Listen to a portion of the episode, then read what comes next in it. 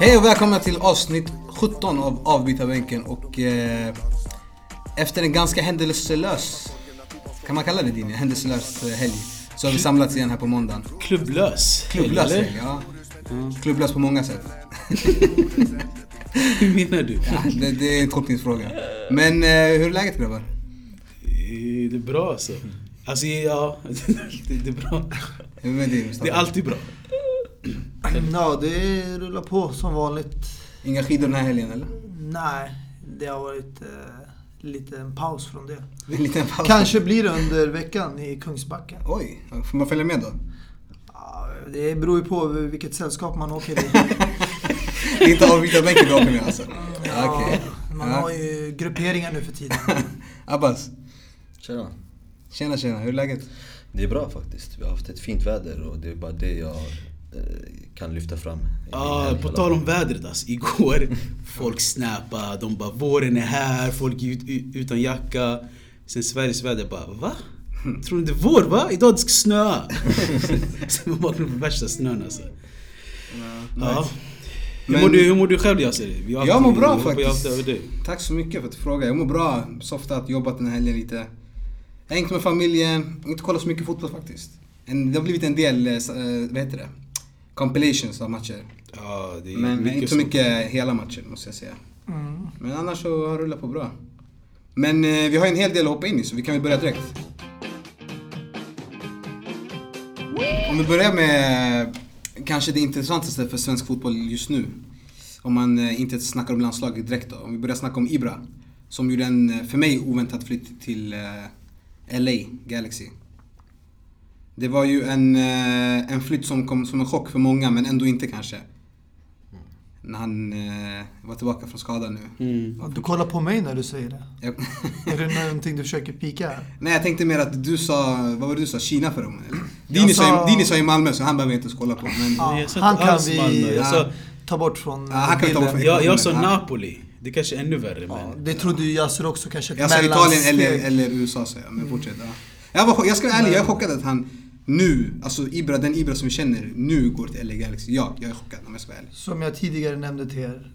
Med tanke på hans ålder och den skadan han har haft. Det fanns bara ja, en eller två destinationer. Och det var Kina eller USA. Men han valde USA säkert för livsstilen. Och det är inte som stor chock. Det är många stora spelare som har varit i MLS. Bland annat eh, Henry, Beckham, Gerard. Ashley Cole, Lampard, Drogba. Det är många som går dit och spelar och liksom avslutar sin karriär där borta. Så varför inte? Eller ingen eh, destination. För jag trodde ju att Zlatan skulle sluta på topp, vilket han även själv sa. Att han inte vill sluta, eller avsluta karriären igen. När han är på väg neråt. Han vill avsluta när han är på väg, eh, liksom, när han är på toppen. Och nu så säger han emot sig, skulle jag, skulle jag vilja säga. För han drog ju till LA och kommer spela där nu. Vilket för mig är inte obegripligt, men det är lite tråkigt för det är Zlatan Ibrahim- Ibrahimovic. Det är inte vilken spelare som helst. Ja, alltså det är ju... Eh, alltså grejen är att det kanske är enkelt för oss att säga, eller för han har ju sagt det tidigare också, tänker jag, att han vill sluta på topp. Men det kanske är svårt att inse att det är över. Ibland måste man svälja sanningen. Det är så. Det är så va? Men det kanske blir en avslutning där, kanske en sista säsong Men frågan är ju i så här. Malmö. Kan, kan det vara din, om jag frågar dig din idag, som eh, snackade om Malmö. Kan Napoli sa jag, men jag kan ta frågan ändå. Nej jag skojar bara. Kan det vara så att, eh, att det är taktiskt drag? Att han, eh, att han är där för att bygga upp sitt var- varumärke och sedan efter när han slutar med fotbollen, alltså liksom ha ett stort varumärke, ett stort namn. För du såg ju hans ingång hur han kom. Han tog ju en hel sida i LA Times och bara skrev Välkommen, vad var han skrev för något? Los Angeles, välkommen Welcome till Zlatan. Ja men precis. Ah. Så det är ju, ja. Alltså jag tror definitivt att det är så. Alltså, Zlatan på senare år har ju eh, ändrat sin approach till media. Han har ju typ, eh, om ni kollar på hans Instagram-videos, han har ju anlitat den här, eh, vad heter killen? Vet inte, komikern. Ja exakt, som försöker visa Zlatan, dra ner på din hybris, vara lite medmänsklig. Så han försöker, han, han har ju riktat mer in sig på den här kommersiella sidan och försöker, som du säger, bygga upp sitt varumärke A to Z eller vad det nu är. Eh, så jag tror definitivt också att han valde klubben efter livsstilen i LA. Eh, där han har sin familj, sina barn och gör det han älskar, alltså spela fotboll. Så jag tror absolut att liksom klubb, alltså valet efter klubben är en lägre prioritet än, eh, än hans varumärke just nu. Okay. Eh, Han hade ju andra alternativ uppenbarligen som Kina och andra ställen där han kunde tjäna stora pengar. Så du tror mer att det är för hans varumärke alltså? Ja, det tror jag. Ja, det finns inget annat svar. Det måste vara det. Och det är tråkigt för det är Zlatan Ibrahimovic och han... Egentligen ska han inte ta den vägen. Jag tycker han, har, han, var, han är ju tillräckligt stor för att avsluta på toppen och jag tycker att han borde, att han borde ha gjort det. Men han säger ju också typ, ni vet ju Zlatan alltid. Han, han, han ska ju alltid du vet eh, hylla sig själv. Så han säger liksom, ja jag kanske är här för USA för att eh, lyfta upp fotbollen här, vad vet ni liksom? Men jag tror inte det, att, det är, att prioriteten ligger där. Det är för livsstilen och ja. Det, MLS den har ju dragit igång precis i USA. Och Mm. eh, tror ni att det här kan vara ett sätt också att bli i matchform till VM? Mustafa? Absolut inte. Jag tror inte han eh, kommer hinna till VM för att han har haft en skada i snart ett år. Och eh, han är i en ålder där det är väldigt svårt att komma tillbaka från sådana här jobbiga skador. Så det är väldigt svårt att se något att han ska hinna förbereda sig och komma i form till eh, VM. Och som vi alla vet, Sverige har ju inte varit med i VM sedan 2006. Så att ta en sån där stor chansning på en spelare som Zlatan, eh, så det är väldigt riskabelt. Eh, en fråga då, nu när Zlatan spelar i MLS. Vem tror ni är först att roffa åt sig TV-rättigheterna? de kommer vara jävligt snabba att sända MLS kan jag tänka Ja, mig. om de Alltså. sänder Ligue Ö så kommer de nog sända MLS Ja, också. ja, ja. Folk kommer sitta... De kommer, de Mitt på natten kommer folk sitta. Exakt.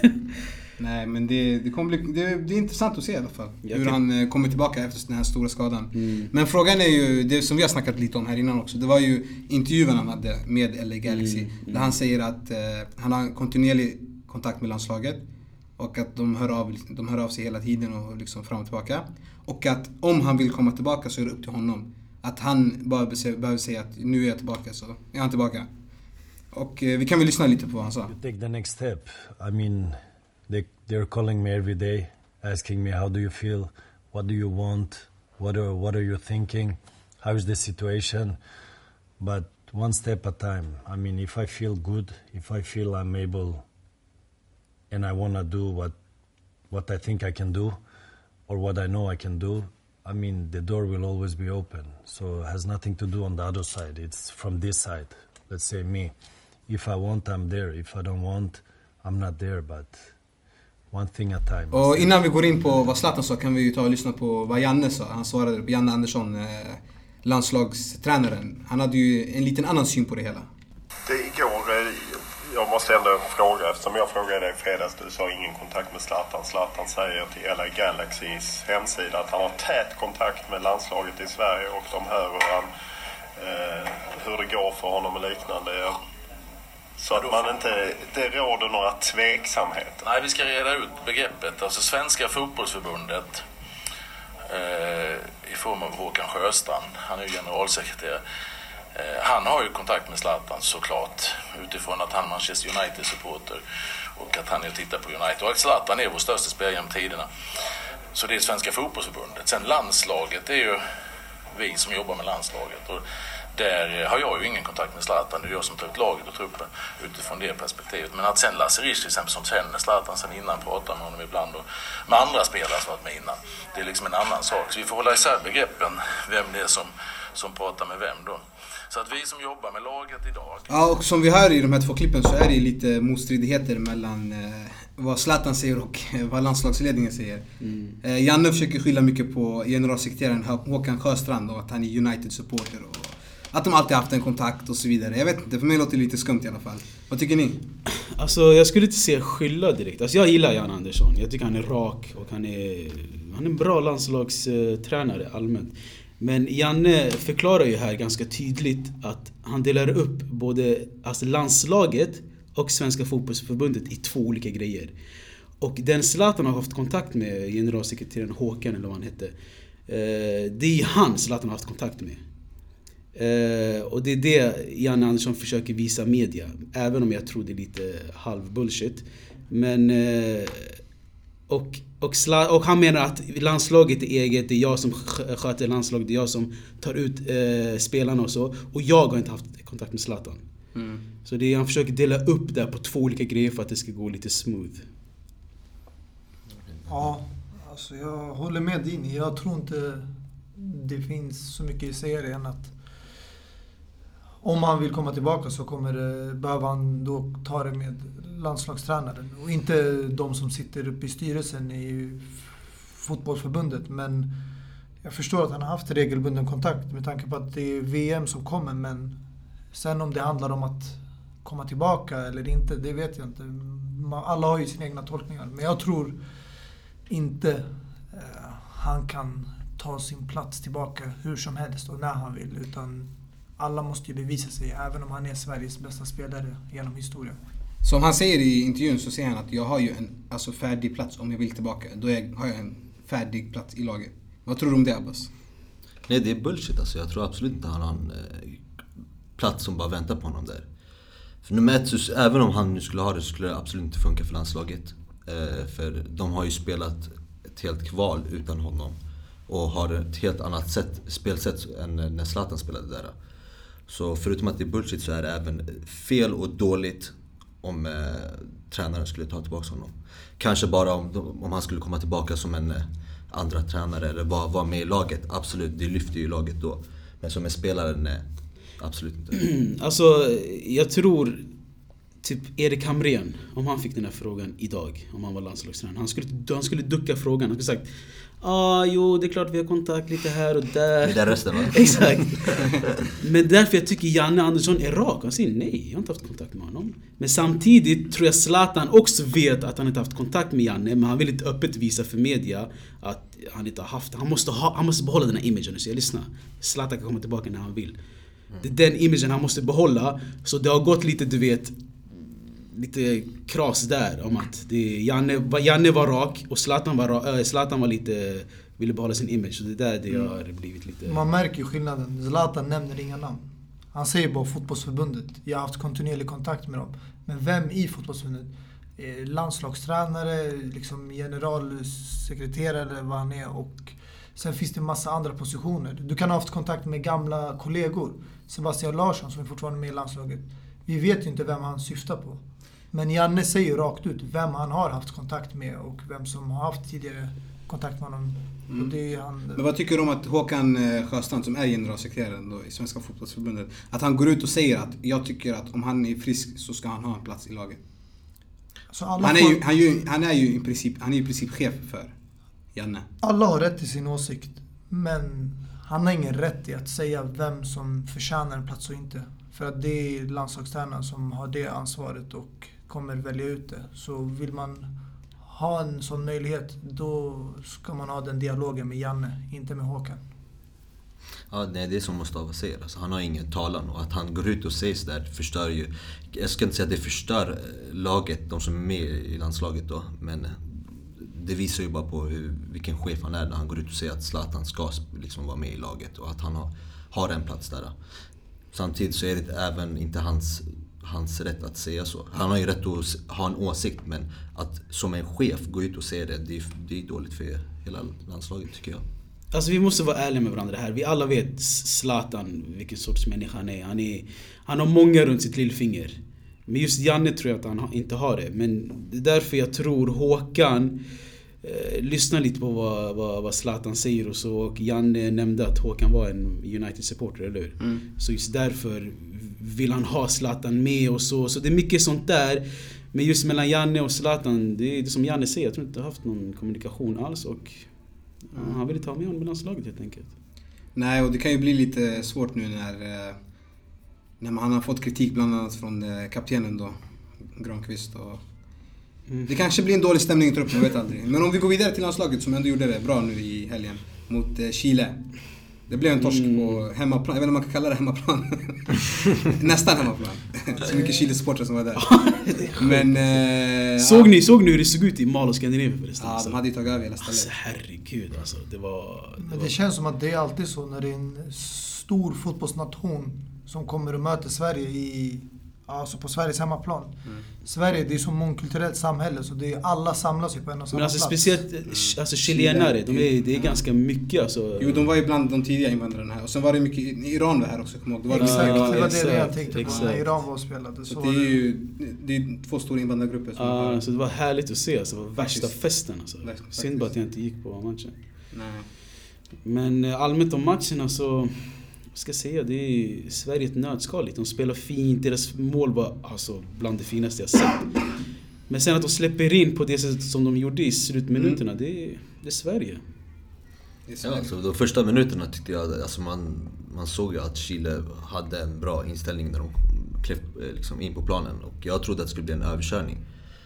Och eh, det blev ju det första målet som eh, Vidal gjorde, vilket var väldigt fint. Men eh, jag trodde att det skulle fortsätta sådär på det, på det spåret, att det skulle rulla in 2 och 3-0 där. Men eh, Toivonens eh, mål gjorde så att Sverige ryckte upp sig och det blev en... eh, Det blev, det blev faktiskt en fin match, tyckte jag i alla fall. Det var en fin fotbollsmatch.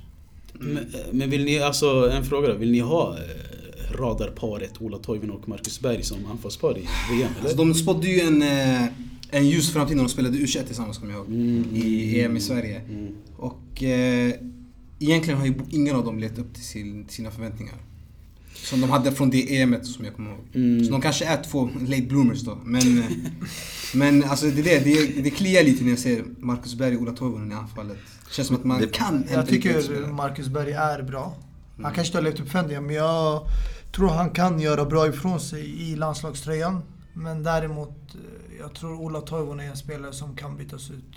Jag tror om Guidetti verkligen får förtroendet och spelar lite mer regelbundet kanske han kan eh, nå en högre nivå. Men han har aldrig lyckats göra det nu i A-landslaget. Nej, alltså jag, så som jag ser det nu, jag ser ingen annan anfallare som, ska, som är bättre än eh, Toivonen eller Marcus Berg Tack i så Sverige. mycket. Toivonen Det i finns- alla fall. Ja, och jag vet inte varför eh, det är många som hakar på sig med Toivonen och säger att han inte kanske håller. Jag ser tvärtom. Alltså det, är- det är bara att tänka många, många landslagskamper som Toivonen har räddat. Jag tänker främst på Holland. Holland, den där vi var alla var. Exakt. Som tog dem till eh, EM var det Där vi jobbade faktiskt allihop, eller hur? Ja, exakt. Jag vill inte nämna det men... Nej, men sen finns det flera andra matcher, även U21-landslaget, men där var Marcus Berg även också väldigt bra. Men jag, och förutom, förutom att de är bra spelare så har de även spelat med varandra väldigt länge och de komple- komplementerar varandra väldigt bra också när de spelar. Exakt. Och att, alltså, man, det är bara att skjuta upp bollen till Toivonen, han nickar ner till Marcus Berg, eller lite tvärtom där också. Och det är så Sverige kör också, lite långbollar ner på Toivonen och sånt. Annars, om det, jag, Mustafa nämnde Guidetti och eh, det finns säkert fler andra, men om det är någon som är i närheten av, eller som ska spela istället för dem, så är det bara Is, eh, Isak eh, Kiese. Det är bara han, och enligt mig så är inte han tillräckligt bra heller. Men finns det fler anfallare då? Det är det jag tänker på. Det finns ju Alexander inte, Isak kanske lite ung. Ja, han är lite för oprövad i de stora alltså, spelrummen. Det är, men... En spelare som aldrig fick chansen dock, det är ju Henok Goitom. Som eh, kanske hade kunnat vara en joker. Men under hans tid så fanns det ju bara bra spelare. Jag tänker på en Henrik Larsson, Zlatan Ibrahimovic, eh, vet han, A- Albeck. Ja, Marcus men- Albeck. Ja, En, en tio mål i La Liga borde ändå få... Eller ljuset, landslags- ljuset av landslagstunneln. Ja. Men jag vet inte, historia, alltså, är det han som inte velat Det, spela? är, det, är eller bara, att det, är, de- det är två det är olika versioner, det är samma sak. ja. Han var platsade inte helt enkelt. Mm. Men eh, en fråga då, om vi går tillbaka till Zlatan bara lite, lite fort. Om vi kollar på anfallet, alltså. Är det så att Zlatan inte kan komma in i laget eftersom att han är Zlatan, hans ego, hans personlighet? Mm. Eller är det kvaliteten just nu? Alltså det, är- grejen är, det är som Mohammed eh, sa, Ola Toivonen och Marcus Berg har hittat varandra. De har, Ja. Det är bra lagkemi där uppe alltså. Och när Zlatan spelar, vi alla vet, spelet ska kretsa kring Zlatan. Precis. Och jag tror inte det Janne vill ha, eller det landslaget eh, alltså, vill ha allmänt. Så jag tror eh, att det är mer, att Sverige riktar in sig lite mer mot, mot ett kollektivt lag. Ja, det har funkat hittills.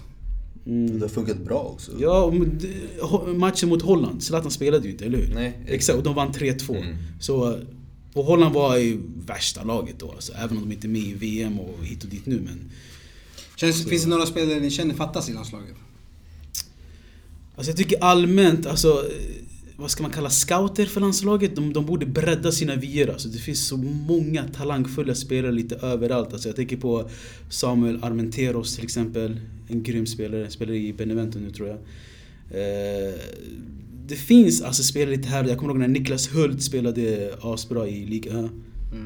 Han var inte så uttagen. Om vi kollar på U21, de som vann eh, U21-EM. Mm. Hur många spelare har gått vidare därifrån till landslaget? Hur många har de förvaltat från dem? Det är ju en Lindelöf, det är ju en Guidetti, Hiljemark. Hiljemark. Uh, Forsberg var han med? Han var med. uh, Var han med? Osäker nu. Shit, jag vet Nja, eller nej, nej, Foppa, nej, nej, Foppa, Foppa var inte med. inte med, är Men sant. en, en spelare jag saknar i landslaget då, som var eh, alltså u bästa spelare. Mm. Simon Tibbling. Ja. Vart är han? Jo, exakt. Bara han högerbacken. Nej, ytter. Nej, det var han den där... eh, Det var en högerback, han som spelade i Malmö. Du menar eh, Augustinsson? Nej, va? Nej, ja, eller tänker du... Lindelöf var ju högerback där. Nej, det var en annan. ah, jag vet. Ja, du tänker på... Nej, Han han tänker på... Ja, du tänker på... Jag glömde bort namnet. Tinnerholm. Ja, Ja, tror Just det, han gick ju till var Malmö bra. va? Från, han, han var i USA om jag minns rätt. Han är i USA nu. Eller han kanske är där nu? Ja, han gick från Malmö till USA. New York om Så jag inte minns helt fel. Jo, det var New York var. New York. Men eh, exakt, så eh, scouterna för eh, landslaget, eller man ska säga, de måste bredda sina vyer. De måste alltså tro på sina spelare lite mer. Gör som England. Ta ut, ta, alltså, ta ut spelare eh, i era landslagsträningar. Jag kommer ihåg att Wilfred Zaha och Ryan Shawcross var uttagna när, de mötte Sverige här i Friends Arena. Vart är de nu? De är inte tilltänkta till landslaget. Men gör sådär och kolla om de passar in i landslaget. Sluta låsa er på samma 25-mannatrupp eller vad det är. Alltså, vi måste ju ändå ge lite cred till Janne som, eh, till skillnad från Hamrén, ändå har gett de unga spelarna lite mer. Ja, ja, ja, ja det, det, det är mot rätt väg, absolut. Mm. Men jag tror man, alltså, den här kurvan kan gå ännu mer brantare än vad den har gjort. Vad tror ni att, eh, om Ken Sema, om att han kan vara joker i EM kanske? Eller i VM? Nej, det tror jag Inte inte. Alltså grejen, är, nej. alltså, grejen är med Sema, alltså, jag gillar honom så, men han har ju... Jag vill inte säga att han har glidit in med bananskal och så, men hans brorsa, Mike Sema, Ja. han gjorde ju magi i, i, i, i, all, i Allsvenskan. Mm. Och det är på grund av det han har fått lite namn och så. Och självklart han gjort sig namn för Östersund och, och bland annat, men eh, fan, Mike Sema var, var magi alltså. Det finns ju en spelare som jag, som kanske... Oj, ja, som, ska, som jag tycker borde vara, finnas med, eller kommer, är liksom bra i framtiden och det är Jordan Larsson. Ja, mm. Han är ju lite intressant och faktiskt är en bra spelare i Allsvenskan. Eller nu, nu har han flyttat till... Han spelar i NEC tror jag i, Ja, holländska eh, ligan. Men han är exakt, när han spelade i Helsingborg var han Mm. grym. Även nu också ser man lite glimtar av eh, hans talang. Mm. Så absolut sådana här grejer, att, att satsa på de här unga spelarna som du ser lite potentiell i. Släng in dem i landslaget, kolla om de håller. Om de inte håller, ge dem några år till och så hämtar de tillbaka igen. Sluta låsa er på, vad är det? Såna gamla spelare. Om vi håller oss kvar i, inom ämnet landslag och eh, dagens ämne som vi tänkte snacka lite om. Spelare som väljer vilket landslag de vill spela i. Vi har ju exempelvis eh, Alcantara-bröderna där en spelar i Tyskland, eller förlåt, en spelar i Spanien och en spelar i Brasilien. Mm. Vi har exempelvis Boateng-bröderna där en spelar i Tyskland och en spelar i Ghana. Vad tror ni är eh, tanken bakom de här landslagsvalen? Om jag får fylla i lite mer bröder. Absolut, fyll på, fyll på min broder. Eh, Pogba-bröderna bland annat. Pogba. Paul Pogba spelar i Frankrike och han, tvillingarna spelar i Guinea. Eh, en gammal goding till Mohamed Abbas, Christian Vieri och hans brorsa Max Vieri. Max Vieri spelade ju för Austri, Austri, Australien. Australiens landslag. Så det är många sådana här eh, bröder eller syskon allmänt som har valt att spela för olika landslag.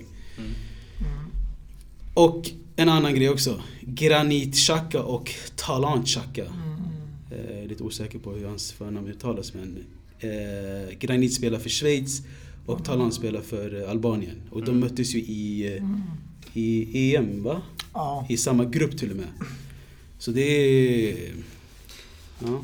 Om vi frågar Mustafa, vad, tycker, vad tror du är eh, tanken bakom de här valen ibland? Förutom det uppenbara, att man, eller fortsätt du.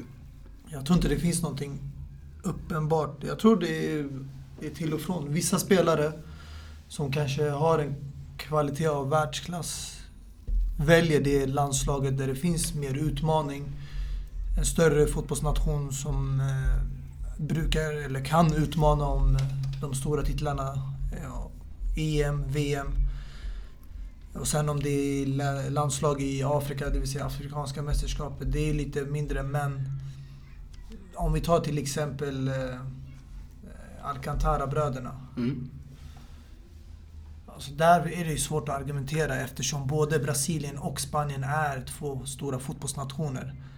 Brasilien är, ja, dominerar ju... De har inte vunnit nu Copa America senast, det var ju Chile, men de är ju ändå en av kandidaterna alltid till VM. Och Spanien detsamma, de har ju vunnit i EM och VM. Så det är svårt att säga vad de baserar sina beslut på. Men jag tänker till exempel eh, Victor Moses i Chelsea. Han, han spelar för U21 i England. Och eh, om spelare som... Eh, nu ska inte jag ta ifrån dem att de har gjort bra ifrån sig, men Lingard, Rashford, alla de här har ju fått chansen. Och sen tidigare Aaron Lennon har fått chansen i landslaget. Jag tror Victor Moses, om han spelar som han gör nu, skulle även kunna haft möjligheten att få chansen, men valde ändå Nigeria. Då jag tror det baseras mer på att han vill spela för sin hemnation. Där hans rötter är ifrån och eh, representerar sitt eh, hemland.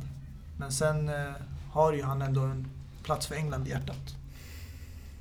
Mm, alltså, nej, alltså jag tycker det här är faktiskt är uppenbart och ganska enkelt när du nämner just de här bröderna. För jag kan ju, det beror på, det är bara att säga vilka bröder jag ska prata om. Yasser, säg bara. Säg Ja, men bara, ta- så, ta- så ja, känns men det, om, vi- jag kan om, vi, om vi skippar Alca, ta Alcantara-bröderna. Jag tycker den är mest intressant. Okej. Vad, Ja, vad, tror du, vad tror du tanken är där? Jag tror att eh, Alcantara var, eh, alltså Thiago Alcantara var ju den personen som kom upp först. Och som var, spåddes liksom eh, en otrolig framtid då, vilket han, han har även varit en bra spelare. Eh, han såg sin chans i Spanien att han kan slå, i- eh, slå sig in där och vara med i laget. Eh, anledningen varför han valde just eh, Spanien det är för att han, han, han har ju varit där liksom, i stort sett hela sin karriär. Han kunde ju välja Brasilien men han valde Spanien för att det är ett, just då under hans tid så var det Spanien och de är än idag, ja om inte världens bästa nation. Eh, Rafinha däremot såg kanske inte på samma sätt. Han kanske såg eh, på det här sättet att han inte skulle kunna slå sig in i det laget. Förutom att vi ser ju bara redan nu att Thiago Alcantara inte kan slå, slå sig in i, i Spanien. Det finns ju den Iniesta Du, menar att han kan slå sig in i, Brasilien alltså? Ja, Rafinha. absolut. Han såg sin chans mer i Brasilien och det är inte så svårt att tänka. Det är bara, kan du nämna några bra brasil- brasilianska mittfältare? Nej, kan du göra det? Absolut. Du är bara att nämna Paulinho eller? Alltså, men jag, tycker, jag ser inte honom som i den positionen. Han är inte samma spelartyp som Paulinho. Ytter eller offensiv Eller mittfältare? om vi tänker tillbaka förut när de hade Ramirez. Jag tycker att Rafinha är mer typ offensiva delen. Där du har spelare som William, Douglas Costa, Nej, Coutinho. Nej, nej. Och där är det omöjligt för honom att slå sig in. Det, det, nej, han spelar inte just, han kan spela där men det är inte där han spelar. Jag tror han kommer spela mer där Coutinho spelar, absolut. Och om inte han är med i, kan spela start så är han i alla fall med i truppen och kommer spela sporadiskt då. Det är anledningen. Vill du ha Boateng-bröderna, lika, alltså det är samma sak där. Båda är uppvuxna i Tyskland. Den ena, Kevin Prince Boateng, eh, såg att han inte skulle kunna, eller han, han visste, eller kände att han inte skulle kunna spela i Tyskland för att det, fan, det finns så många bra spelare i den positionen han spelar i. Jag behöver inte nämna alla spelare för det är bara att tänka själv vilka spelare som finns där i mittfältet. Och sen finns det även eh, i Jerome Boateng. Backlinjen som inte har, där inte de har haft liksom lika bra backar och jag tror att han såg sin chans där. Så här, så här känner jag. Jag tror att alla spelare vill spela i ett landslag och vill ha den här statusen att de är en landslagsman.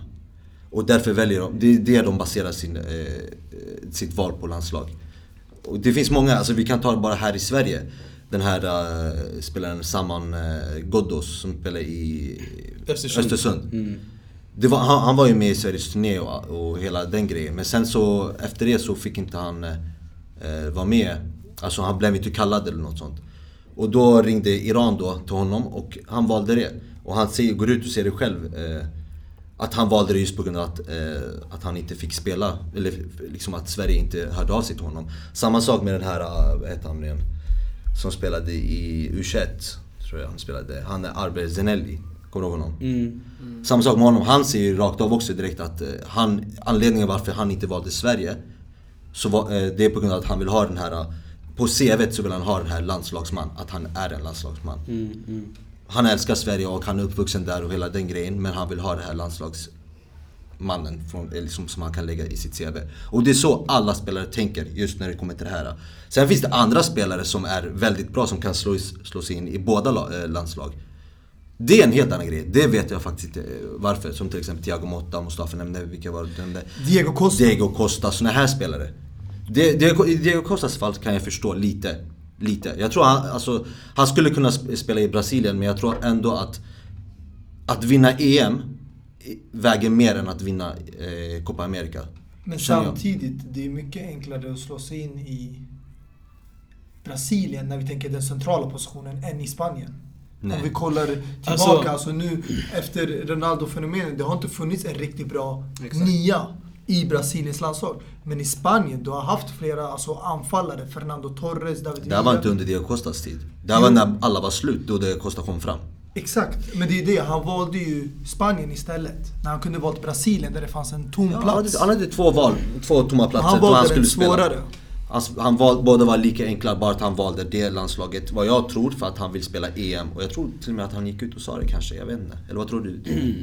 Eh, det vet jag faktiskt inte men det är intressant det du, det du nämner alltså det här med att alla är ute efter att få den här eh, landslagsspelare-titeln. Men jag tycker att man ska ändå lyfta fram, eh, typ nu när vi snackade om Thiago och Rafinha. Eh, det är värt att nämna att eh, deras pappa, heter han, Mazinho, vann ju eh, alltså, exakt, VM med Brasilien. Så jag tror att Rafinha ville gå i hans pappas fotspår och spela för brasilianska landslaget. Och jag tror Thiago, eftersom han slog sig in i Barcelona som du sa tidigare, vad Rafinha gjorde. Hade han redan det här spanska tänket. Han kunde spela som Spanien gjorde. Så det var ett naturligt val bara att han skulle spela för Spanien. Och han kände sig lite bekväm anmäld till Spanien. Men jag tänker på ett, några andra bröder som vi inte nämnde. Jag vet, de är inte så pass kända men ni känner igen dem tror jag. Jonathan de Guzman. Ja. Som hade en sejour i Swansea bland annat och Feyenoord. Nap- Napoli också. Napoli också. Han spelar i just nu Kievo tror jag. Om jag inte Mm, helt fel. Ja, I alla fall, han är ju kanadensare. Men han har valt att spela för Holland. Ba, alltså, alltså han är, vad ska man säga, han är... Kan man säga alltså, e- hur säger man eligible på svenska? Alltså han får spela för Ja, exakt, han får spela för Holland bara för att han har spelat tillräckligt länge i Feyenoord. Alltså han, hade, han har ett holländskt medborgarskap. Exakt, han har erhållit, erhållit en, eh, ett, ett holländskt medborgarskap. Så han har valt Holland eftersom bara på det. Men han kan ju spela för Filippinerna fast farsa är filippin. Han kan spela för eh, Jamaica fast mamma är eh, jamaican. Så han har ju massa olika val där. Så jag tror bara, äh, jag spelar i Feyenoord nu. Jag kan, slå sig, jag, jag kan slå mig in i holländska landslaget. Låt mig bara göra det. För han har ju en brorsa som spelar i Kanada. Eh, Jag kommer inte ihåg vad han heter. Julian de Guzman. Tror jag. Ja, Julian de Guzman. Han är, han är kapten för ka- kanadensiska landslaget. Så jag tror valet är mycket personligt. Alltså. Det är mycket... Det är som sagt som Abba sa också, det är att man vill vara den här landslagsspelaren och man, slår sig in, man väljer där man har chans att slå sig in. Men samtidigt så är det mycket personligt också vart man hör hemma. Men kan det inte vara så att eh, i det här fallet då, att han tänker att jag kanske inte kan vinna så mycket med Kanada. Mm, Och mm, jag har en chans att slå mig in i Holland. mm, absolut. Så då tar jag Holland. Absolut. Det, det, det är just därför till Guzman, för han, alltså han hade en jätte, alltså han var ju jättefin mittfältare när han var som bäst alltså. Eh, alltså han petade spelare som Leroy Fer och alla de här i mittfältet. Så absolut, han, han visste att han var tillräckligt bra nog för att starta i Holland och spelade redan i Holland i form av Feyenoord. Så varför inte bara slå mig in i landslaget där? Så här jag en fråga till eh, er alla egentligen. Jag tänker att såna här spelare som väljer landslag eh, som... Alltså om de är födda i ett land och väljer landslaget som kanske deras föräldrar kommer från eller något sånt. Mm. Kan, det, kan man säga att det är ett fegt sätt att garantera en landslagskarriär? Hur menar du? Exempel, jag tänker, om vi tänker på Victor Moses. Mm. Han valde ju Nigeria ganska tidigt. Mm. Om han, hade, om han inte hade valt Nigeria hade han Mm. idag kunnat spela för England. Hänger ni med? Är det, alltså, är det bara att, är det ett snabbt liksom, att man försöker få det, att man vill garantera sin landslagsplats bara? Är det ett fegt sätt? Jag tycker inte det Kanske är en fegt. konstig fråga men... Nej jag fattar frågan, jag fattar. Jag tror vissa ser det som att det är fegt. Och Alltså jag tänker han har ju större, han har större chans, han har större chans att starta i Nigeria. Jag förstår Än han någonsin kommer i England. Ja. Hänger du med? menar i, Så jag tänker jag har min plats klar i Nigeria. Mm. Det kan ses på det sättet, men personligen jag tror det är för att man vill representera sin hemnation. Där man är liksom rötterna, föräldrarna. Och jag tror personligen också att idag skulle, i dagens landslag i England då tänker jag, skulle Moses kunna vara med i en trupp där och konkurrera om en plats. Men jag tror inte att han valde den enkla vägen utan jag tror han valde att följa sitt hjärta och det var att spela för Nigeria. Så du tror att hans val var att han hellre vill spela för Nigeria? Och inte för England? Utan alltså, du, Nej, du, jag du ser, hans val? Jag säger tvärtom, det var exakt så som jag sa, beskrev det innan också. Att han Att har man, man, väljer, man, väljer, man vill ha det där CVt att man är en landslagsman. Och det var det, i det här fallet med Moses tror jag att det var, så var fallet. Att han valde Nigeria för att han vill spela i landslaget. Och jag tror inte, han är ju uppvuxen i England, eller? Ja, Jag tror han har spelat, han har han- spelat han- U-landslags... eh, Ja exakt, och han, men han, han är- kom, han är- kommer ju liksom från England egentligen. Han har bara sina Ah. rötter i Nigeria. Ja. Så Ja, alltså, nu han är ju uppväxt i England, men han spelade ju U21. Och hade han fortsatt i samma spår, hade han förr eller senare fått chansen att spela. Alltså vi har ju sett, som Dini rabblade upp tidigare, de tar upp spelare som Wilfried Zaha, spelare som har bara varit där en kort tid, men ändå fått chansen att göra landslagdebut. Och jag tror den hade kommit förr eller senare, så för mig ser jag inte det som att han valde den enkla vägen, utan han valde att följa liksom Kanske i sina föräldrar eller fotspår eller ja. Alltså Victor Moses var ett dåligt exempel nu när jag säger att han kom till England när han var 11 så det kanske inte var det bästa exemplet. Men om vi tar ett exempel på hemmaplan som jag tänkte på just när det var aktuellt. Muamer Tankovic om ni kommer ihåg han. Mm. Han hade ju mycket kontakt med Bosnien. Han kunde ju spela där för att hans föräldrar är därifrån. Mm. Eller välja Sverige. Och det var mycket diskussion fram och tillbaka. Och varför väljer man ett landslag? Vad är det man vill med ett landslag? Många kallade han förrädare för att han ens tänkte tanken på att gå till ett annat landslag. Alltså grejen är, du, alltså, om man vänder på den här grejen att det finns spelare typ, som man vet kan platsa i större landslag men väljer mindre landslag. Jag tänker på en spelare, Pierre-Emerick Aubameyang. Uh, han tror jag definitivt kan starta i Frankrike, Frankrikes landslag alltså. Men har ändå valt att spela i Gabon. Eh, men eh, vad sa du, Muamer Tankovic? Muamer Tankovic, Ja. precis. Eh, Men grejen är exakt, jag tror mer att folk vill låsa åt sig spelare innan de väljer landslag. För om du någonsin har spelat en tävlingslandskamp för ditt landslag får du inte byta landslag. Jag tänker så på, eh, vad heter den gamla Barca-spelaren? Monir El Haddadi. Haddadi. Exakt. Han var ju otrolig i början. Spanien ville ha honom, Marocko ville ha honom. Så innan Marocko kunde roffa åt sig honom, tog Spanien honom. Han fick spela en match. Och nu, vart är han nu? Han har glömt bort han. Men som tur spelade han inte en tävlingsmatch. Han spelade någon träningsmatch. Så han har fortfarande chans att byta till Marocko. Men jag menar det finns många sådana här exempel där spelare blir lurade, eller inte lurade men de, blir, de är så pass hypade att det större landslaget vill ha dem. Och sen när de väl spelar en, två matcher så glöms de bort. Så jag tycker det är, det är väldigt alltså... Man ska tänka noggrant innan man väljer sitt landslag.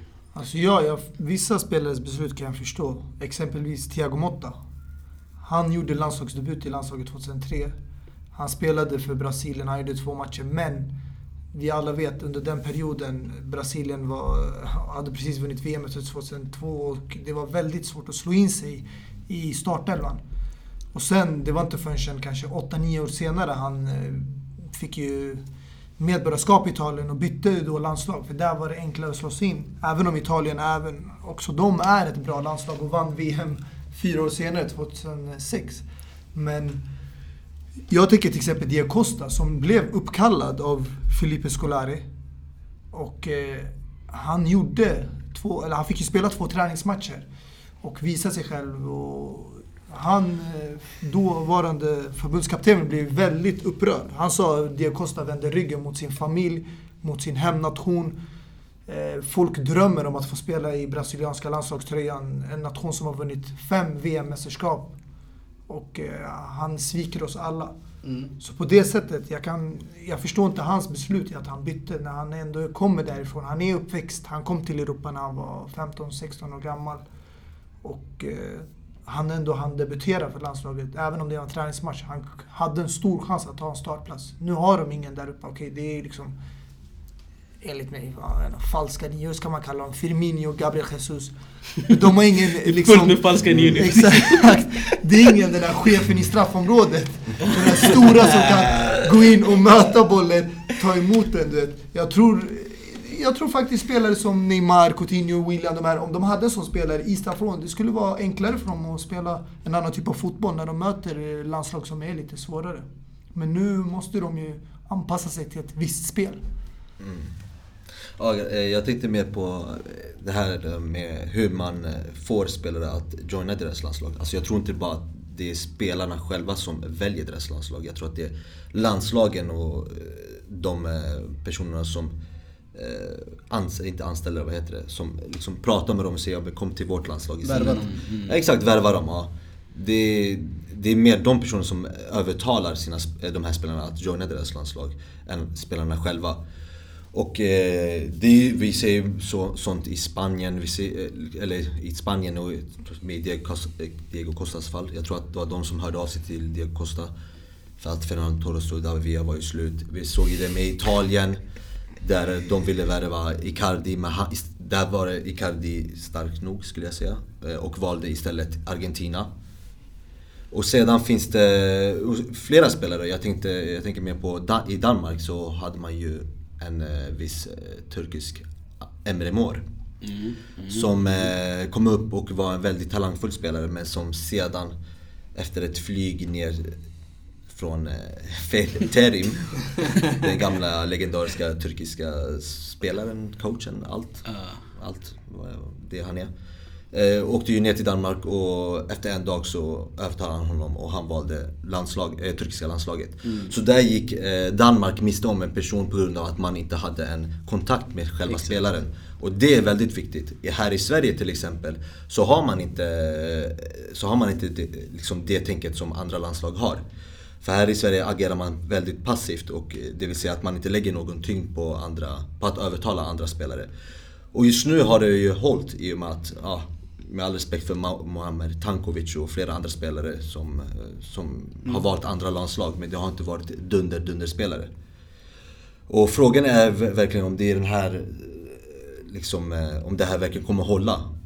För vem vet, snart kanske de kommer gå miste om en spelare som Kanske inte Zlatan Ibrahimovic nivå men en väldigt, väldigt bra spelare. Och Helt rätt.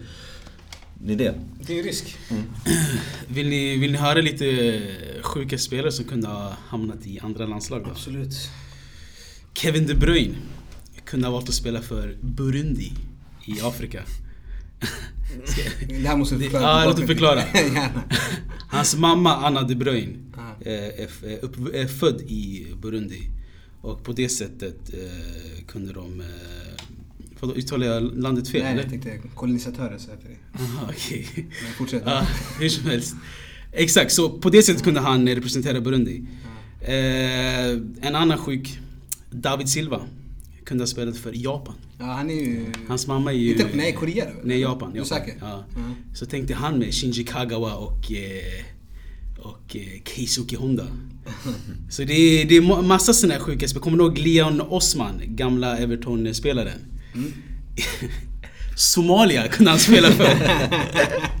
Hans farfar var typ halv somalier något sånt där. Eh, och en annan, alltså jag vet inte, Dybala, hans farfar är ju polack. Så han kunde ha spelat för Polen. Men Men alltså- en, en, eh, innan, innan du kommer in här, får mitt eh, Mm. underbara flow här. en annan sjuk grej, det här är nog det sjukaste jag sett.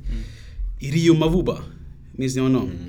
Den här gamla franska tanken i mittfältet. Bolton. Eh, Bolton? Nej, just det. Han, Han spelade i spelade i, Frankrike. ja, exakt, i Lille. Ah. Vet du vad det står på hans, eh, när du kollar på på hans. Wikipedia? Place of birth. Så born at sea. Ja, han är född i sjön. Okej. Så eh, det, det, vart ska han liksom välja sitt landslag? Ska han spela för Piraterna? Ska han spela med... Så? Så, så det blir automatiskt Somalia. Jag visste, jag väntade på det bara. Jag väntade på det. Men alltså grejerna, det... Men vart kommer hans föräldrar ifrån? De är... Det har jag ingen aning om, men något... Jag kommer inte ihåg. Eller det, det vet jag inte allmänt. Jag, jag tyckte bara det var kul. Men alltså, jag tycker många av de här namnen du nämner, du måste ändå vara realistisk. De Men det, här det, är lagen, kul, ja, det är kul! Det är och, kul. Och, och, och, Men- och bara tänka tanken att i slutändan... David Silva kunde spela i Japan. Kevin De Bruyne Men det är samma sak med Zlatan, han kunde spela för Bosnien. Eller Kroatien. Ja, men den är inte så sjuk som de här spelarna. Men i många av de här fallen, Ja, du vet ändå varför de valde det landslaget. Det är ganska självklart. självklart. Men det finns vissa spelare, alltså du har, alltså jag, för mig, jag har förståelse för folk som väljer sin hemnation. Mm. Det finns en eh, liksom personligt band. Föräldrarna och även om inte man är uppväxt där, man har det liksom bandet. Men Ja. att spelare väljer andra nationer som Även om det är liksom inte din hemnation, bara för att det är enklare att slå sig in. Nej men alltså jag tänker på typ Marocko. Marocko är ett praktexempel på vilket lag de kan ha. Om alla de här belgarna slash fran franska spelarna valde eh, marockanska landslaget. Jag tänker på Benatia, Fellaini, eh, vem mer? Det är många i alla fall. Jag Ja men det är som, det är som, det är som Men- du kollar på dagens Alger, Algeriet. Ja. De har ju Mahrez, de har Slimani, de har många Feghouli, bra spelare. Ja. Förr i tiden kunde de haft Zidane, de kunde haft Benzema, många algerier. Exakt, även nu Nabil Fekir valde ju Frankrike Men det är ju full förståelse till varför de väljer. Ja, men grejen är alltså det, det är intressant att du säger så. Kommer ni ihåg eh, den gamla räven Mauro Zarate, Mohamed? Det är klart. Ja, Det är klart. på lån i Inter och spelade i Fiorentina. Han, Alltså. han, ja men han hade Det är Sejori störst. Sejori i Fiorentina också. Det är den jag vill anmärka. Men skitsamma. han eh, tackade nej till Chile. För att han trodde att han skulle få en eh, uppkallelse av Argentina. Men det hände ju aldrig. Så han gick ju miste om att representera ett landslag överhuvudtaget. Så det kan ju finnas sådana fall också om att du väntar och väntar för mycket. För vi var inne på Victor Moses tror jag nu här också. Att han valde Nigeria istället för England. Var det för att han inte pallade vänta eller och så vidare. Men det kan ju ske i sådana fall som Zarate nu. Utan något landslag. Så det är, det är mycket som spelar roll här alltså. Han får väl starta ett landslag med Mabuba. Alltså det, ja, det enda jag kan förstå, alltså om du vänder din rygg mot din nation, det är om du har, det är helt omöjligt att du kan slå dig in i en startelva eller få bli uppkallad och ens få debutera i landslagsmatch. Och då syftar inte jag på träningsmatcher utan tävlingsmatcher. Till exempel Deco. När han var i sin prime, när han spelade i klubblag och så. Han hade spelare som Ronaldinho, Juninho, alltså det var många, Rivaldo, alltså alla, hela det där brasilianska landslaget var ju fullpackat med världsklasspelare. Så det var ju jättesvårt för honom. Och där kan jag förstå att han valde, efter flera år, att han har spelat i Porto och fått eh, medborgarskap i Portugal, att han valde Portugal. Men...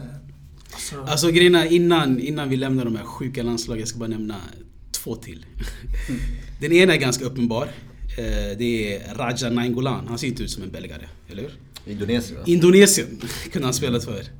Eh, En annan eh, som ni kanske kommer ihåg, Johan Kabay. Som hade sejour i Newcastle och drämde till en frispark mot United kommer jag ihåg. Han kunde ha valt att spela för Vietnam. Vietnam, Mm. intressant. Så eh, jag tror jag är klar med de här sjuka. Men det finns ju massa annat. Typ Kedira, Tunisien. Eh, Mario Gomez kunde spela för Spanien. Emre Can, Turkiet. Det finns ju såna lite mer... Carrasco för Portugal Carrasco eller för Spanien. Portugal. Eller Spanien. Är det för att han har medborgarskap där eller? Varför ska han spela för Spanien? Jag tror nog hans föräldrar är väl... Och Balotelli för Ghana. Ja, och hela du vet... Och John Guidetti för Italien. Hans farsa är italienare. För övrigt, Guidetti kunde ha spelat för Kenya tror jag också. Kenya också kanske? Ja, så det är- medborgarskap eller? Ja, jag tror det. Men United hade en gammal spelare. Vem? Adnan Januzaj. Oh, Han kunde ju spela Han kunde spela för hela världen. Ja. Belgien, Shit. England eller och sen var det tredje något. Belgien, Albanien, England, Albanien, eh, vad mer var det? Det var så många och jag, alltså, det, det sjuka är att Skottland också, alla försökte, alltså, de gjorde den här spelaren till på riktigt världens största talang. Och alla ville övertala Vilket han var? honom. Och vart är han nu Abbas? Och vart är han nu exakt? Alltså jag tror inget landslag skulle ens vilja ha honom i U21, förstår du? OS, OS då. Det är inte ens det. Och inte ens OS, shit. Då är det här. Så det kan svänga fort i fotbollen. Det, Minst sagt. och han valde det enklaste landslaget tror jag av alla som han kunde välja och ändå... Belgien. Det känns det som ja. Belgien? Men alltså av alla Frankrike, vilka, vilka Albanien, England. Okej, ja men... Eh, Så England och Belgien är typ lika svåra att slå sig in tror jag. Jag tror till och med England är enklare att slå sig in. Ja. Om någonting. Så han, han, han siktade högt alltså. Och land... Landa platt. Ja, men det är alltså grejen det, det, det, det är så intressant att grotta in sig i vart spelaren kunde hamna och vart. Jag tänker på typ eh, eh, Kongo-Kinshasa kunde ha värsta laget alltså. Benteke, Batshuayi, company. Förstår du vad jag menar? Vart går gränsen? För jag, för jag älskar att grotta in mig och kolla vart folk kommer ifrån och hit och dit.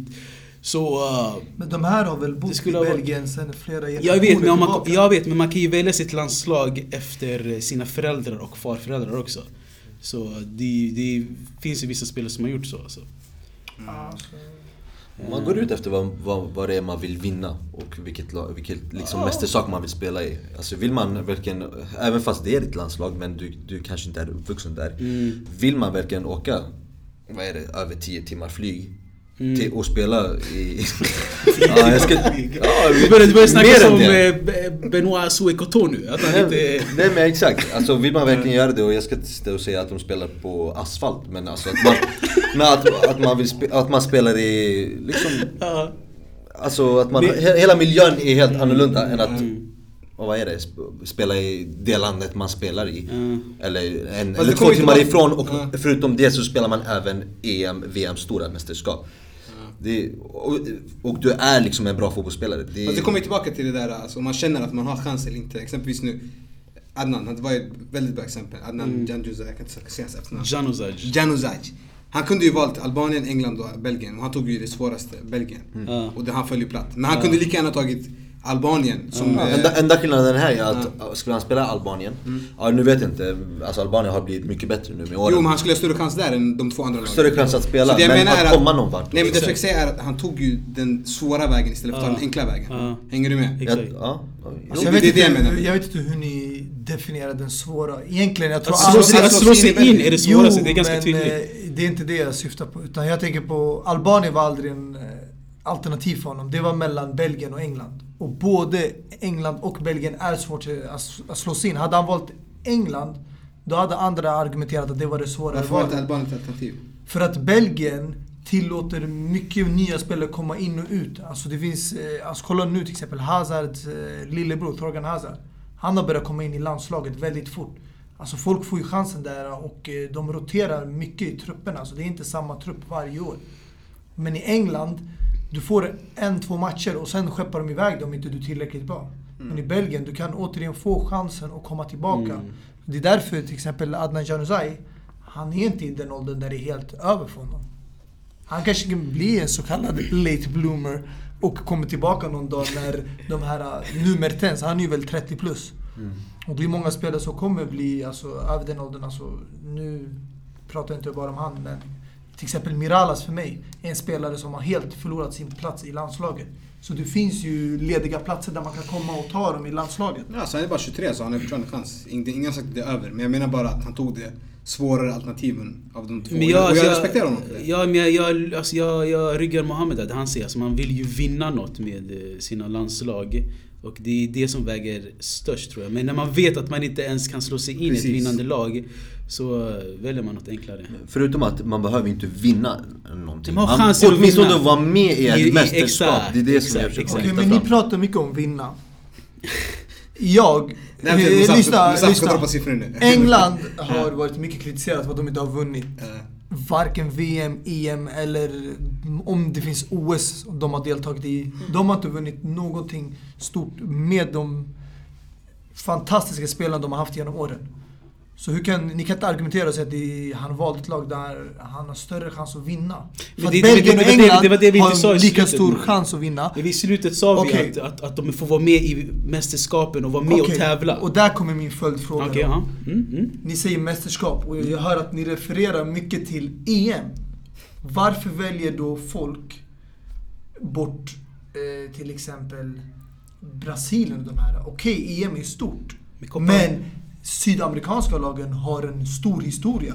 Argentina, Brasilien. Det är en stor respekt att spela för sådana här lag. Jo, givetvis. De här är med i VM och. Men- De har historiska spelare. Pelé, Maradona. Varför ska man tacka nej till Givetvis. sådana här lag? Men jag menar helt ärligt nu, alltså mellan oss fyra. Kan Copa America jämföras med Men, men, men du kan inte säga så. Är någon av oss från Sydamerika? Där kanske de tänker, vadå, kan EM, kan EM jämföras med Copa America? Alltså, kolla- jag, menar, alltså, jag menar där fotbollen är som störst, det är i Europa. Alltså, kolla, nej, men, ja, det, är, det, är för att, det, det är för att man syftar då på klubblagen. Men om du kollar landslag, Precis. de bästa landslagen i Europa, okej? Om vi ska rabbla upp en liten kort lista, topp 5. Vilka är det? Frankrike, Spanien. Spanien, Tyskland, Mm. Italien. Och sen vad ska jag säga, Belgien, England. Tyskland, sorry. Ja, det sa jag. Förstår? Om du nämner i eh, Sydamerika, du kan nämna lag som är minst lika bra, som skulle kunna konkurrera alla de här lagen. Du har Uruguay, du har Chile, du har Argentina, du har Brasilien, Och sen, du har spelas, och sen Colombia. spelas den oftare också, Copa America. Jag vet, men bara här. Hur ofta, alltså, hur ofta kollade ni på, på Copa America och hur ofta kollade ni på EM? Nej, alltså, EM är EM större grej. är större grej. Och, och, chilla, chilla. och om en spelare har valet att välja mellan EM och Copa America. Jag Jo, men- tror han kommer välja Men EM. om du är ifrån Brasilien, Ja. tror du du tänker samma sak som vi Nej, självklart inte. Det är det jag men jag menar typ Diego Costa är ett praktexempel nu. Det kostar jag bara skolan.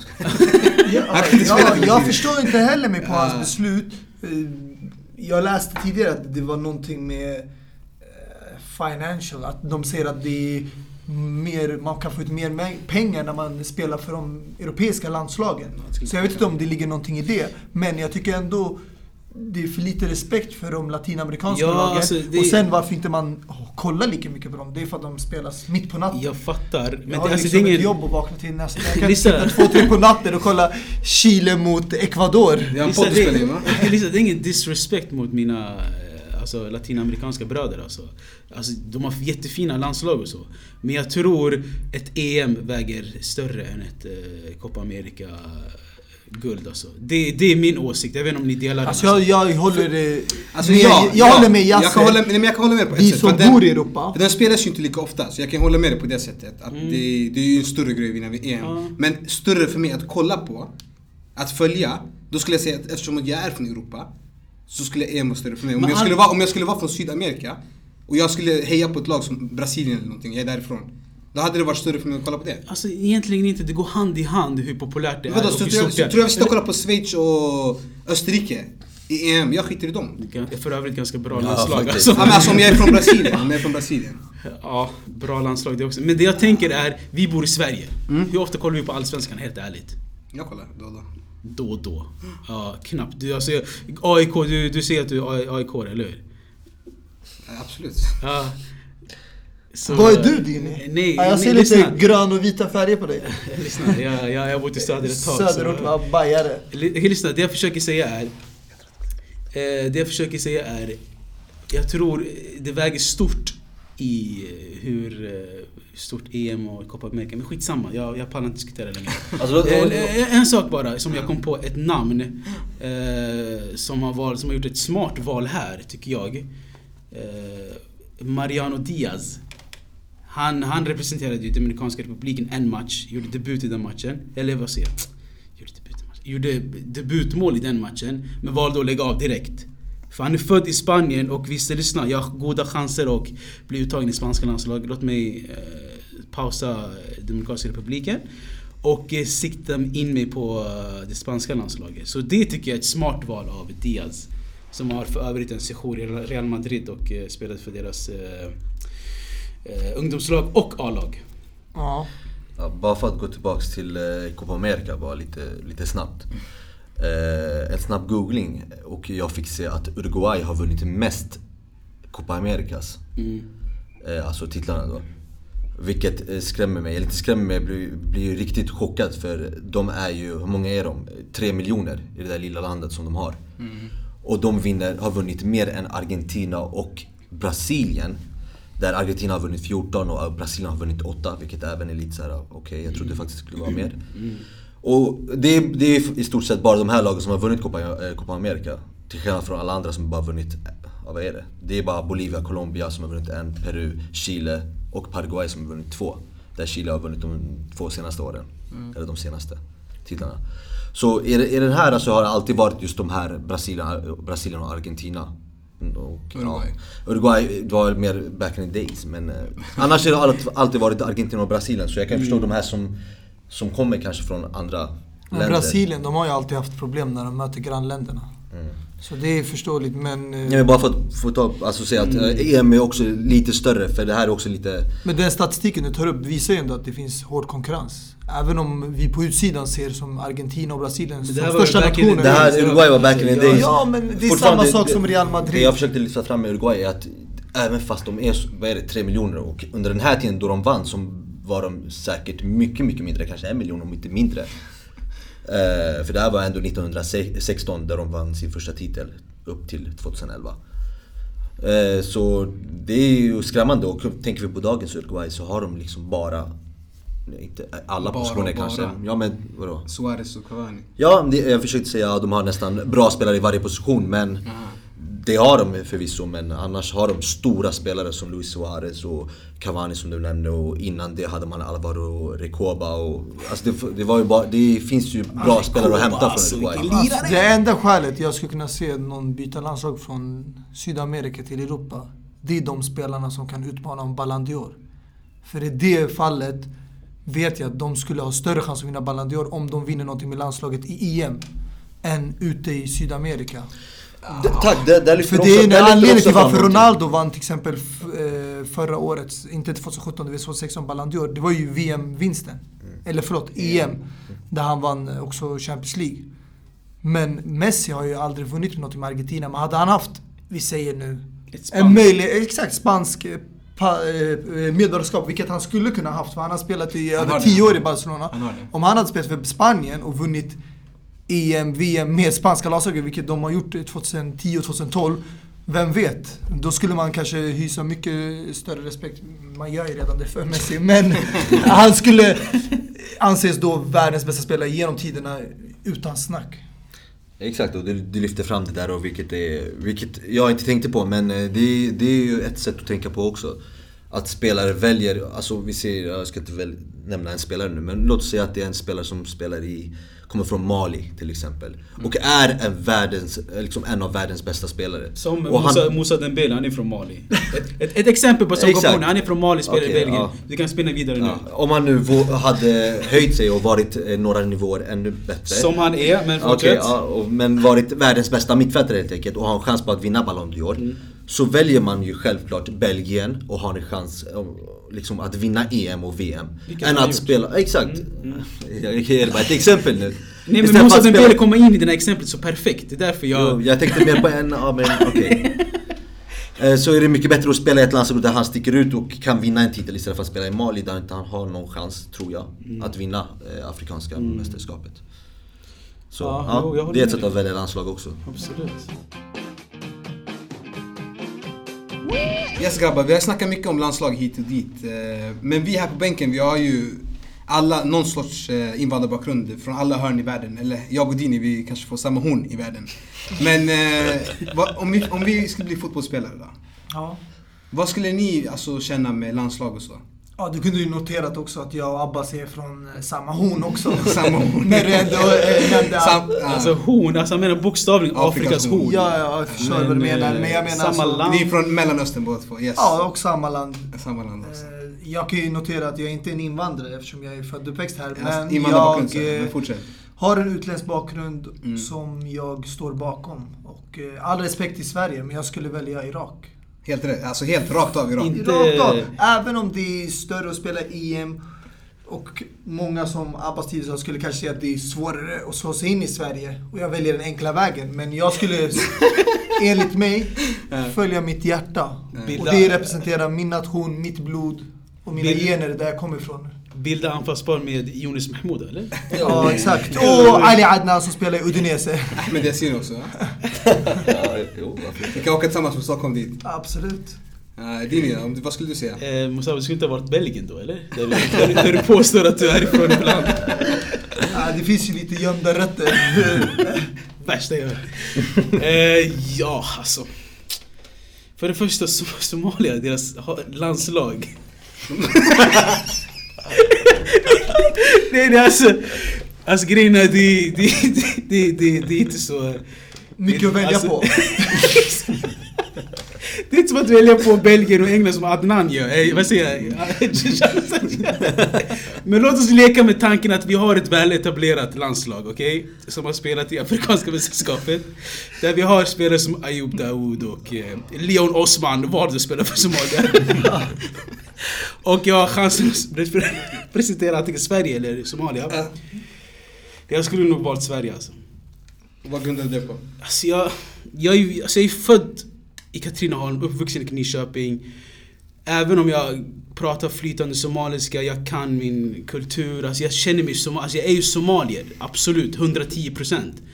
Men Sverige är mitt hem också alltså. Jag är svensk somalier, jag skulle ha valt... Men om du, säg att du, du är början av din karriär. Du är 20-21. Mm, Du är fortfarande en talang. mm, Och du har en chans att bli stor. mm, Och du får erbjudande från Somalia. Mm. Och du, äh, det är lite kyligt från Sveriges håll. ja. Vad hade Du menar, du menar vad exakt i den situationen? som Saman Ghoddos? Exakt. exempelvis. Alltså... Det, det är svårt att svara på för alltså, För du är fortfarande ung om vi säger så. Ja. I den, i, För alltså mitt hjärta tillhör Somalia också. Alltså jag, jag älskar Somalia. Jag älskar Sverige också för den delen. Så det är riktigt svårt val. Men eh, jag tror jag skulle valt Sverige i slutändan. För alltså jag, jag, jag grundar mig på det jag och Mohammed eh, snackade om nu i podd, eh, alltså tidigare. Att jag har mer att vinna med Sverige känner jag. Jag har mer att visa upp mig. Jag har mer att... eh, Alltså, alltså jag kan spela för de här eh, mästerskapen och så vidare. Så mitt val är nog Sverige, hur svårt det än skulle ha varit. Ja, så nej, Dini förklarade bra och jag känner faktiskt lite samma sak där. Eh, enda skillnaden är bara att eh, i dagens Sverige, det är ändå, alltså jag skulle helst, hellre vilja eh, spela med 2006-laget. I Sverige, eller? Ja, de har Henke Larsson, Anders Svensson. Anders Svensson, Fredrik Ljungberg. Det fanns ju så fina spelare. Som Karaktärer. all- och karaktärer, exakt. Till skillnad från dagens Sverige. Men fortfarande, det är ändå det här Sverige som spelar nu har verkligen tagit liksom, eh, en plats i VM och kommer att spela VM. Och eh, Alltså Irak, eh, absolut. Det, det är ett landslag som har eh, haft lite svårt när det kommer till, eh, till VM-mästerskap. Men självklart om jag skulle varit där skulle det varit någon skillnad. Jag skulle säkert kunna få fram dem och det, det skulle göra mig mycket större, en mycket större fotbollsspelare.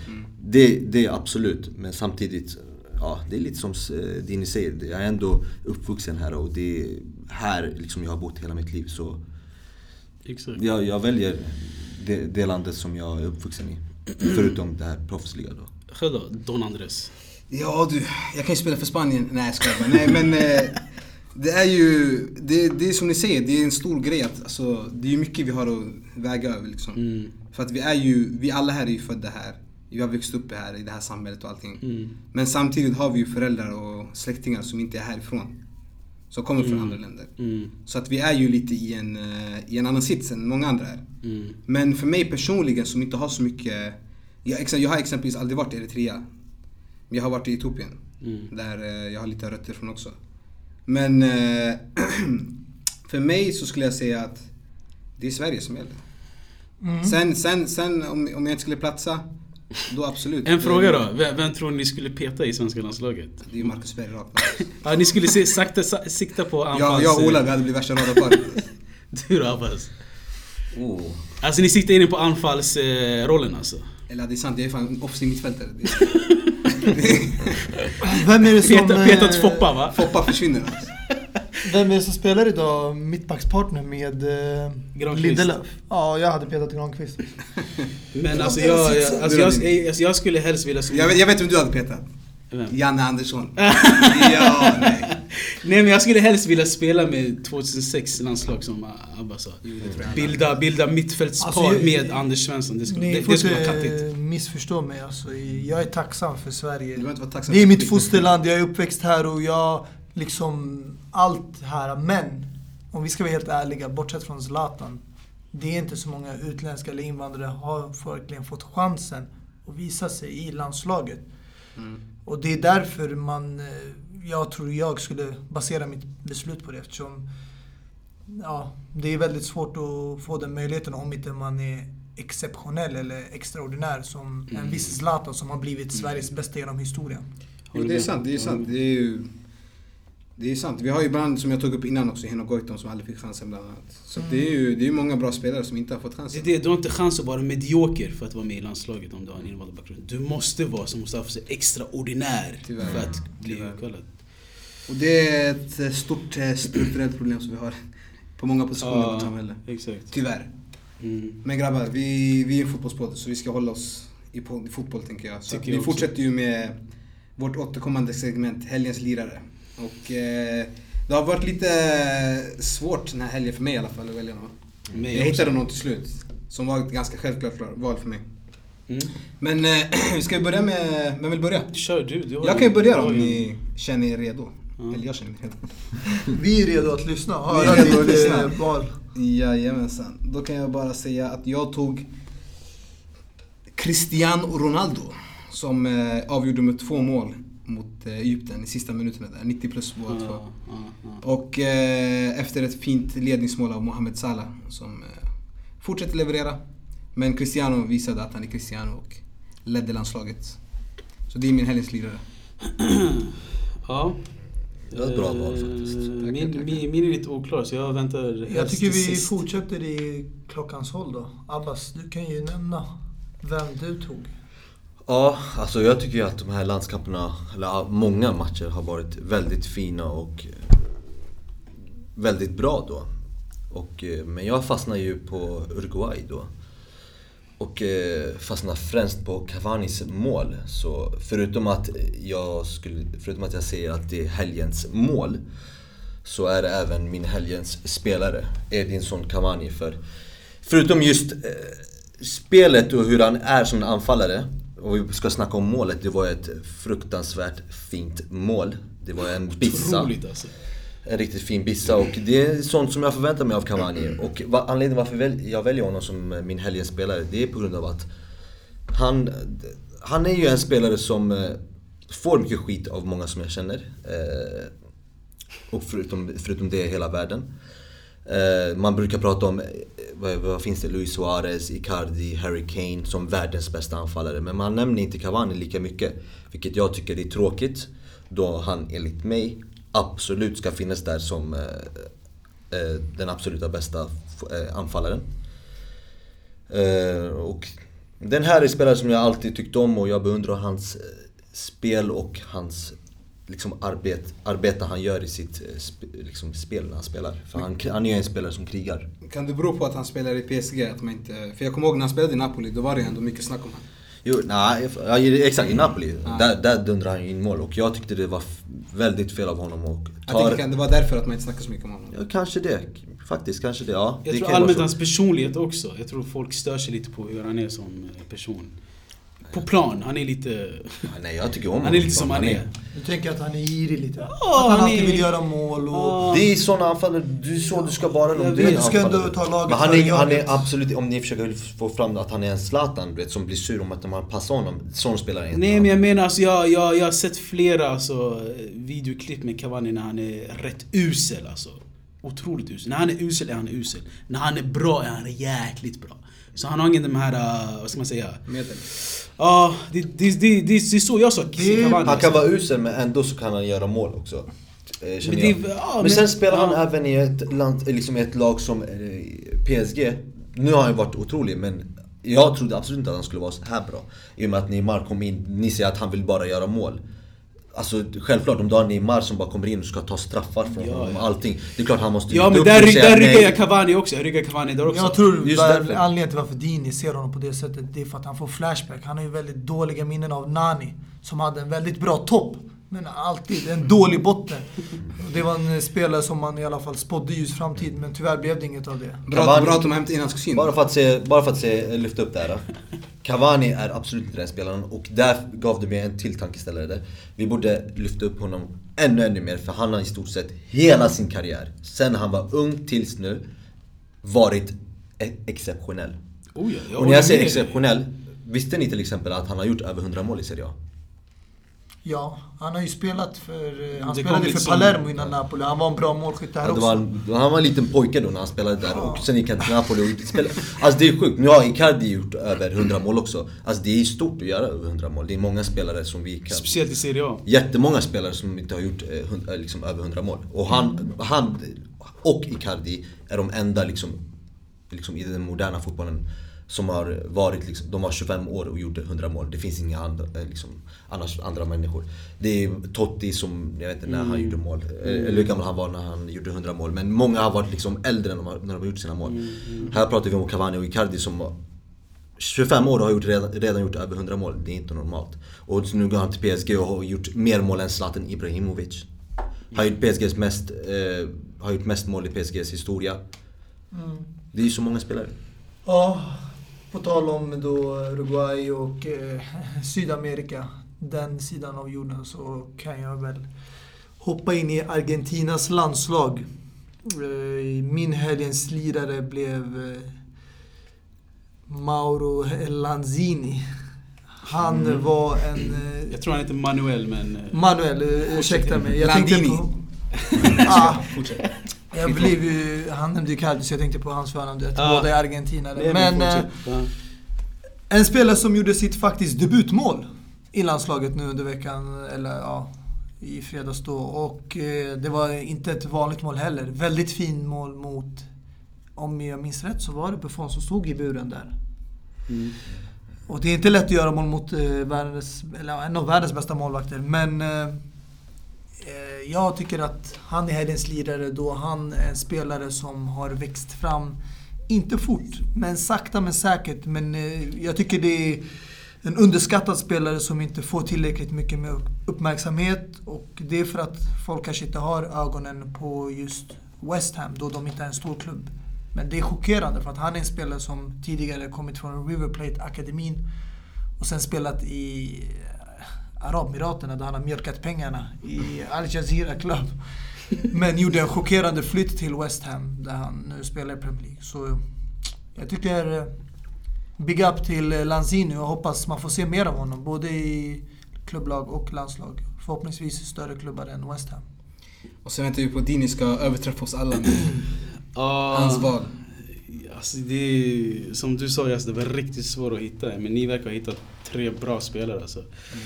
Det är mellan två spelare jag eh, är kluven om jag ska välja.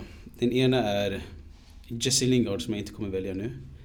Eh, som sagt, jag tycker det här segmentet ska vara något att jag ska liksom eh, lyfta fram spelare som inte nämns ganska mycket. Jesse Lingard har fått sin fokus och vi lämnar åt sidan. Jag väljer då hellre att lyfta fram en spelare som faktiskt har vunnit Champions League. Han eh, gjorde två mål i helgen. Eh, och likt Mustafas spelare spelar i West Ham. Jo, jag tänker på Marko Arnautovic. Även om han inte gjorde något, eh, alltså några märkvärdiga eh, no, no, alltså några märkvärdiga mål i, i, i helgen tycker jag det var allmänt nice att lyfta fram honom. För han, har, han, har, han har börjat komma igång nu under David Moyes. Eh, och hans Champions League-titel vet inte om man ska räkna när han spelade i lån för Inter. Men han har den i alla fall. Eh, han är en skön spelare, folk har sagt det här är... Spelar- han spelar i Ös- Österrikes svar på Zlatan Ibrahimovic. Han är den här du vet, bad boyen och gillar och, Jag gillar sådana spelare. Så mitt val är Marko Arnautovic. Nice. Bara kliva in där. Mm. Jag, jag sa ju Cavani. Och det här var för två, eh, tre, dag, tre dagar sedan han gjorde det där fina målet. Mm. Idag, eller i natt, så spelade de. eh, Och eh, även då gjorde han mål. Mm. Det blev 1-0 mot eh, Wales faktiskt. Ja. Och ikväll är det ju stora matcher som Portugal, Nederländerna också. Där Gareth Bale inte kunde göra någonting. Bara för att nämna det. Men gjorde hattrick för några dagar sedan. Så Ja. eh, jag fel alltså. Det jämnar ut sig. Men grabbar, vi har eh, två lyssnarfrågor som vi har fått in av eh, Akrem Jaha. från Kista. Så vi kan ju börja med den första. Eh, varför tar man inte ut Dybala och Icardi i landslagstruppen? Och det här gäller Argentina då. De var ju, de var ju med innan. Eh, när de spelade och var så bra som... Ska vi separera dem först? Dybala och Icardi? För jag tror det är två olika svar här. Nej nej nej, det, Ja, det, jag det, vi Ja, vi, börjar, vi börjar med Dybala det är, alltså båda två har Ja. exakt, det är sva, samma svar på båda två. Båda inledde sin säsong väldigt bra. Eh, men som sedan, eh, och då blev de kallade till landslaget och fick spela sina matcher. Sedan skadades båda två. Och nu fick man även, jag såg en intervju där eh, Icardi sa att han hade redan pratat med San Pauli som är argentinska eh, förbundskaptenen då. Och han sa att han hade redan haft kontakt med honom och att han visste att han inte skulle vara uttagen. Och det var på grund av att han var skadad. Så det, om, om vi går efter Icardi så är det på grund av det. Om det är något annat så är, för- för- så är det något som är helt idiotiskt. Och jag hoppas att Dino och Mustafa har något svar på det. Alltså jag tror det beror på att de har varit skadade. De har precis kommit tillbaka från skadan. Paolo Dybala kanske hunnit spela några matcher och kommit lite i matchform men jag tror inte man vill ta risken inför ett VM-mästerskap. Eller för Juventus del då som vill avsluta säsongen med en sån spelare som ska vara tillgänglig. Men jag har svårt att se Icardi slå sig in eftersom det är hård konkurrens i den positionen. Du har Higuain, du har Agüero, du har många bra spelare i den centrala positionen. Dybala å andra sidan, han kan ju spela lite mer eh, Han har, han, han runt har ju om. svårare än Icardi. Ja, men alltså, han har en liknande speltyp som Messi, men han kan ändå anpassa sig till flera positioner.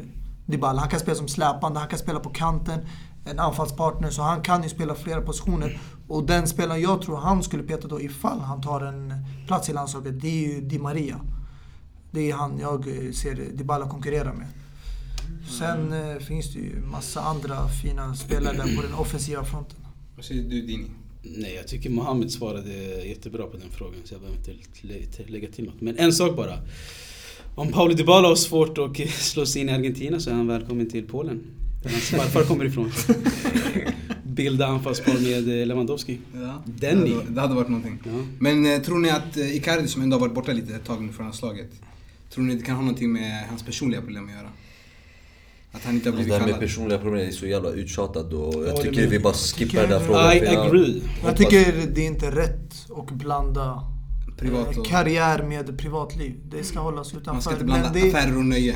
men det har, tyvärr, det har tyvärr en påverkan i omklädningsrummet bland spelare, fotbollsspelare, fotbollslag. Att det påverkar. Det privata kommer och Mm. kan ha en negativ påverkan och göra att eh, det blir eh, dålig lagkemi i omklädningsrummet.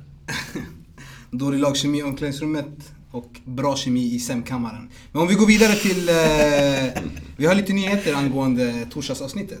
Vi brukar ju som sagt köra på torsdagar som vanligt, men den här veckan tänkte vi flytta den till antingen fredag eller lördag eftersom att vi har blivit inbjudna till eh, Kistamässan där de har en konferens som heter MFD, eller Muslimska familjedagarna. Och eh, de ville att vi skulle komma dit och göra en livepodd. Och ja, så vi tänkte köra där istället, avsnitt 18. Och eh, ta gärna med er vänner, frågor, kom och lyssna själva. Mm. Och eh, är det något ni har att tillägga?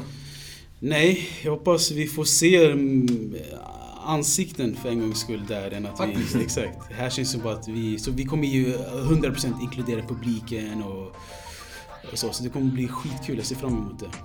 Så kom gärna förbi och Yes. ta med er en vän. Vi ses i helgen och vi hörs på måndag kan vi säga. eller hur? eller hur? Peace! Ciao. allting och bara dansa Musiken är vår trognaste vän Så vi gör horus med den Checka movesen Har den i blodet sen Det blir bor igen Så normal vi fortsätter dansa Barn börjar dansa innan första vokalen yeah. Innan go-go gaga och vi fortsätter tills Aina tar över haket yeah. Tills nissarna gör razzia Svart klubb, det massa rök i lokalen yeah. Fine grades alla alla dricker som Valhalla, mjöd i glasen, yeah. Plus rom och vodka, uh.